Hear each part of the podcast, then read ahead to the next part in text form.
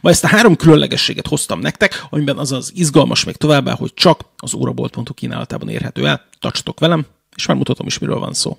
Ezen a héten jelent meg a rajtam is látható legelérhetőbb áru hordóformájú acél sport kvarc kronográf, ami egyébként szerintem a piacon van. A megítélése természetesen árnyalja azt, hogy egy divatmárkától származik, de hogy egyébként ez most jó-e vagy rossz, azt el fogom mondani szerintem a folytatásban. Ez most a podcast formátum. A teljes élmény érdekében nézd meg YouTube-on, vagy a beszéljünk órákról. Ez később még úgy is elhangzik, de azért az elején szeretném leszögezni, hogy ezt az epizódot is az óraból támogatta. Tudjátok, órát az óraboltban. Clues ugye 2013 óta van velünk, legalábbis akkor kezdték a pályafutásukat Amsterdamban. Nekem velük kapcsolatban az első élményem az az, amikor a feleségem, akkor még barátnő mondta, hogy ú, kinézett magának egy nagyon szép órát, és hogy nézzük már meg, és hát tudjátok, hogy mennyire szkeptikus vagyok általában a divatórákkal kapcsolatban, de nyilván megnéztem, azt mondtam, hogy van rá végül is kettő év garancia, van magyar forgalmazója, az óra maga szép, de hát női divatóra, hát gyöngyházfényű volt a számlapja, zafír volt a kristály, és mit lehet rá mondani, viszont legalább, hogyha bármi gond van vele, akkor két évig jót állnak érte, és egyébként azt hiszem valami 20 ezer forint volt. Akkor is úgy gondoltam, hogy na figyelj,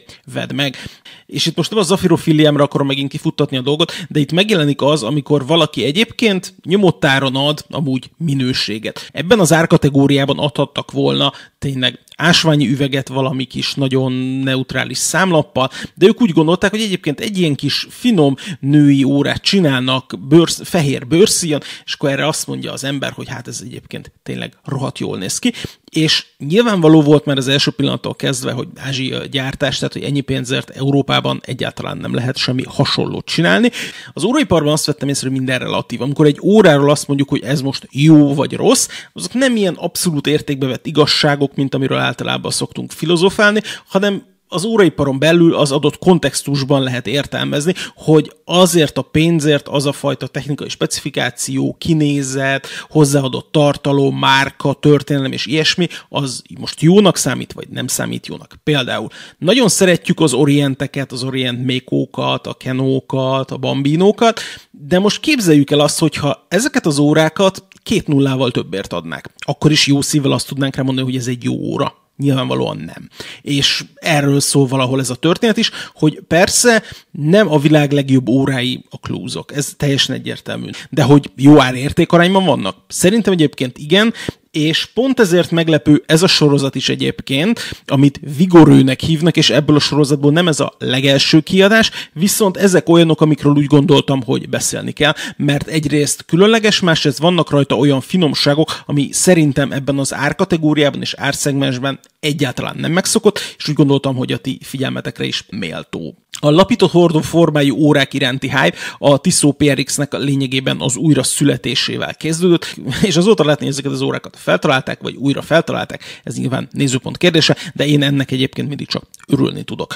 Az integrációs órákról egyébként évek óta lehetett hallani, hogy ú, ez lesz az új hype, és hogy most mindenki ilyen órákon pörög, és hogy a következő években ezek fognak jönni, és ezek a plegykák egyébként igazolódtak, ez is egy integrált fémszíjas óra, és az a durva benne, hogy egyébként nagyon-nagyon sok olyasmit tud kinézetben, amit szerintem ebben az árszegmensben egyáltalán nem várunk, úgyhogy ezért is hoztam el ezt a Vigorőnek nevezett családot, ugye benne Seiko VK63-as Meha Quartz kronográf verk van, tehát hogy természetesen ezért az árért mechanikus órára senki ne számítson. Ezekben az aranyos kis dobozokban, ahogy megkapjuk őket, érkeznek Kínából, és, de maga egyébként a csomag teljesen jó. Nekem nagyon tetszenek a Cluesnak ezek a vidám színei, látszik, hogy ők ugye alapvetően egy női márka, voltak, most már azért kibújtak ebből a dologból, legalábbis éveken át azt mondták, hogy nem, nekik nem lesz férfi sorozatok, aztán nézzétek meg, most mégiscsak kijöttek egy ilyen férfiaknak is, nőknek is, tehát ilyen kis unisex dologgal, de ez azért ez inkább férfiasabb, mint női, bár, bár nem, nem kérdés a dolog, hanem hogy egyszerűen csak bárki tudja ezeket hordani, és akkor van benne egy csodálatos köszönőkártya. És ami nekem nagyon tetszett, hogy így mellé keltek extra szemeket. Ez, ez nem tudom feltétlenül, hogy miért van, ilyet még így sosem láttam, mert általában mindig az van, hogy a szemeket fogják és rádobálják magára az órára, és nekem mindig az van, hogy amikor megérkezik egy vadi új óra, akkor kettő, három, négy szemet biztos, hogy le kell szednem belőle. Az Oris Propilatis kermétemből is le kellett szednem legalább kettő szemet például, de az Orient Mékókról is le kell szedni. Tehát viszont most ezt megláttam, fölvettem, és konkrétan nekem milliméterre jó. Tehát ezt, ezt, ezt az egész családot konkrétan rám szabták, nem nagy, nem kicsi, nem lötyög, nem szorít. Tehát, hogy ez konkrétan tökéletes méret a számomra, úgyhogy nekem, úgyhogy engem egyébként már ezzel megvettek. És ha már ennyire belementem a részletekbe, akkor most már vegyük is szemügyre közelről az órát. A három szín, számla variáns egyébként izgalmas, én elvittem kiscsoportos órás találkozókra, az órafórumos rendezvényekre, és ott mindenki a kék-feketét vette először a kezébe, és, és úgy láttam, hogy egyébként az, egy, az nagyon menő, nem teljesen értettem, a, nekem egyébként a sima panda változat tetszik, ugye ez a reverse pandás krono változat azért a régi autóversenyzős vibe hozza, úgyhogy ezt is megértem, viszont a kék-fekete az, amit így egyáltalán nem. Nagyon szeretem a kéket, és egyébként az a kék az szerintem a fehér számlappal lenne igazi, de pont ezért különleges, és pont ezért van az, hogy mindenki arra nyúl rá, mert maga a kék egyébként tök jó. Száhúzatatoknak minden része, kivéve azok, amik egyébként szácsi szóltak, például a lünettának a széle, és ez a négy apró kis lecsapás, ami a tokon van. Amikor először néztem, néztem, hogy milyen fura izé ez a tok, hogy van, hogy hordóforma, de bevágás van benne, meg minden, de nyilván, hogyha felülről nézzük, akkor látszik csak ez. Ha megnézzük mondjuk síkban, akkor látszik, hogy igen, ez a klasszikus hordóforma, és nem akarták, hogy szúrjon a vége, és ezért ez nem Sanford, de azért így valamennyire megcsapták azt a sarkot, tehát konkrétan a nagy kiálló sarkat egyszerűen meg, megcsapkodták, és így kaptuk ezeket a háromszög alakú fényes felületeket magán a tokon, ami szerintem szemkáprá hibáztató, tehát konkrétan ilyenre azért egyáltalán nem számítasz, és ez az a része, amit, állam, amit mióta nálam vannak az órák, azóta nézegetek rajta, hogy amúgy ez mennyire tök jól néz ki. Ami nekem nagyon tetszik, az az integrált fémszínnak a legelső szeme. A fémszínon lévő összes szemből a középső, az ugye mindegyiknél polírozott, viszont a legelső az szögben meg is van hajlítva, és ennek a szöge természetesen megegyezik a toknak a szögével, és így értékel azt, hogy egyrészt ne álljon nagyon ki, tehát hogy jól csuklóra simuljon, másrészt, hogy ez egyfajta kis design elem is, és akkor itt azért látszik, hogy igen, hogy a tokban van egy kis lekerekítés, tehát hogy valamennyire, hogy, hogy ez nem, nem élesen, hanem hogy konkrétan le, lejjebb van csapva, a csukló felé, úgyhogy ez ilyen kis rásegítése alapvetően dolgoknak, hogy azért ez irányba tartja már magát a szemeket is, hogy hogyan álljon az ember csuklóján önmagában a fémszíjon teli szemekről beszélünk, és ugye mivel integrált, ezért nincs eh, végszeme. A végszem probléma, tehát ugye mivel nincs végszem, ezért eh, ezért az ilyen integrált fémszíjas órákra sokkal nehezebb lesz alternatív opciókat tenni, tehát hogy nem tudod NATO-ra tenni, még ilyesmi. Ettől függetlenül egyébként csavaros a vége, tehát hogy konkrétan azt a végszemet ki lehet belőle venni, és akkor arra lehet valamit integrálni, de ott azért szerintem nagyon ügyeskedni kell, úgyhogy azért ez az óra arra van kitalálva, hogy ezzel a szíjjal viselje az ember, mint hogy az akvanautok is alapvetően arra vannak kitalálva, hogy gumiszíjon viselje az ember.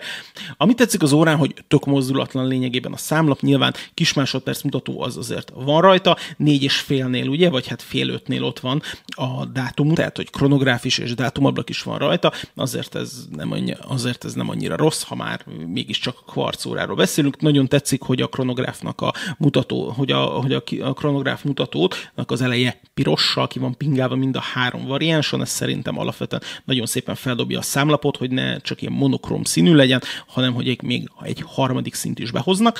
Ebben az árkategóriában egyébként szerintem szokatlan a pillangó csat, ami rajta van. Nyilván szoktak másféle békacsatokat vagy ilyesmiket csinálni, de mondom, tehát, hogy ebben az 50 ezer forintos kategóriában, amiben most ez az óra utazik, szerintem konkrétan verhetetlen az a specifikáció, amivel érkezik, és azok a fajta igényességek, amiket az ember ezzel kap. A toknak a magassága 10,5 milli, ami szerintem egy nagyon jól hordhatóvá teszi. Maga a tok hosszúsága 48,5, ugye ez a két fül közötti távolság, és az átmérője pedig 40,5 mm, tehát ezek konkrétan mind-mind-mind nagyon kellemes méretek. Koronáján, hogy ez ilyen kis hatszög alakú, az nekem egyébként iszonyatosan tetszett, ez ilyen kicsit ilyen AP vibe-ot hoz a nyomógombjain tök jó az, hogy a nagy felületek szácsiszolva vannak, a lecsapott részek viszont polírozva vannak, és ez megint csak ad egyfajta ilyen kis részletességet, megint egy olyan dolog, ami így megcsillanhat a napfény, amikor az ember kezén van. Ez számomra nagyon szimpi. A hátlemezét én most Elsőre azt mondanám, hogy egyébként ez nem pattintós, hanem csavaros, legalábbis arról árulkodnak ezek a részek, aztán simán lehet, hogy itt lehetne napestig feszegetni, és lényegében csak pattintani kellene. Ennek most így nem fogok nekiállni a nyitóval, nem szeretném összekarcolni ezeket a csodás kis darabokat. Ezért meg nyilván a korona miatt a vízállósága csak 5 atmoszféra, tehát hogy ez 50, úgynevezett 50 méteres vízállósággal rendelkeznek, meg egyébként sem búváróra nem arra való, hogy ebben hódítsuk meg a Mariana árkot. A sok pozitívum után hadd mondja meg szerintem az egyetlen negatívumát, mm, és ezt igazából hallgatni kell, úgyhogy ezt most csukott szemmel is lehet.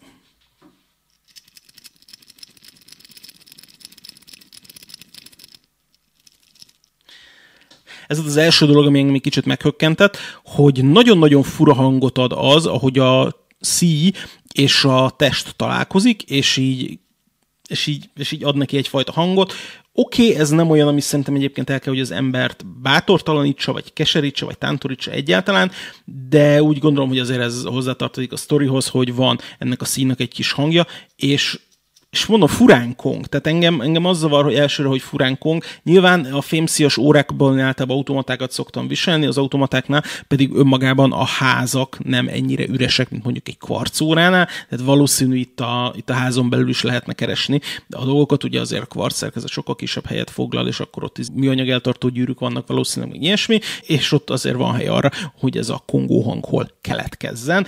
Úgyhogy ez az, ami okozza, ugyanakkor meg nem szabad elmenni az a tény mellett, hogy a hasonló kinézetű svájciakat árban három-négyszeresére veri az az óra, úgyhogy szerintem egyáltalán nem méltatlan ehhez az árhoz, amivel egyébként sikerült megszerezni. Ez az ár egyébként azért is érdekes, mert konkrétan az európai lista ár alatt van, olyan 30%-kal, és ez azért is van így, mert úgy állapodtunk meg a forgalmazóval, hogy ez az első óra, ami csak és kizárólag az órabolt.hu lesz elérhető, tehát mind a három verzió csak az órabolt.hu lehet beszerezni. Ezt ne keressetek sehol máshol, ez lényegében egy online exkluzív darab, ami csak nálunk érhető el. Tudom, rengeteg boltban forgalmaznak Klúzt, és ennek nagyon örülök is, de ez náluk most nem lesz ott, ez egy ilyen kis kísérlet, hogy megnézzük, hogy hogyan is működik ez, hogy online exkluzívan behozunk csak hozzám egy modellt. Nagyjából ennyi most, amit szerettem volna erről a szinte kimondhatatlan nevű vigorő családról elmondani. Nagyon érdekel az viszont, hogy szerinted ebből a három variánsból melyik a legszebb? Ezt írd le kommentben.